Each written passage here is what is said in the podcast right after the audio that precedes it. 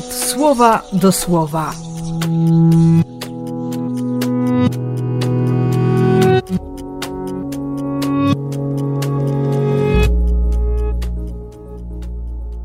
Osiemnasty stycznia, czwartek.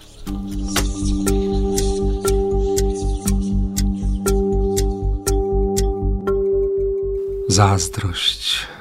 Zamiast się ucieszyć, że że wojsko filistyńskie zostało rozgromione, że ten, którego bali się wszyscy, został pokonany.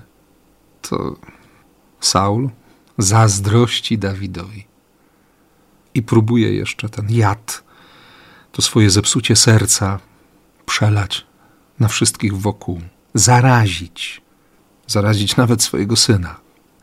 Owszem, Jonatan będzie próbował przekonać ojca, żeby żeby nie patrzył na niego wrogo, żeby nie nienawidził, ale wyrwać nienawiść z serca, uzdrowić, uleczyć serce własnymi siłami? Nie wiem, czy to możliwe.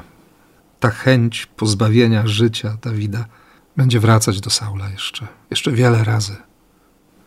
Mieć serce, które się cieszy z czyjegoś szczęścia, a nie nieszczęścia serce, które nie zazdrości, nie szuka poklasku, nie unosi się gniewem, weseli się z prawdy. Mieć serce, które kocha.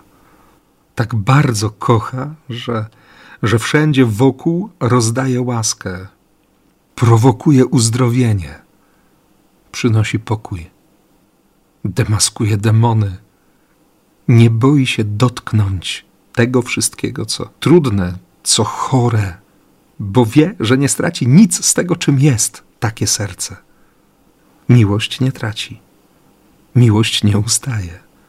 Miłość się nie boi. Więc życzę Ci takiego serca i błogosławię w imię Ojca i Syna i Ducha Świętego. Amen.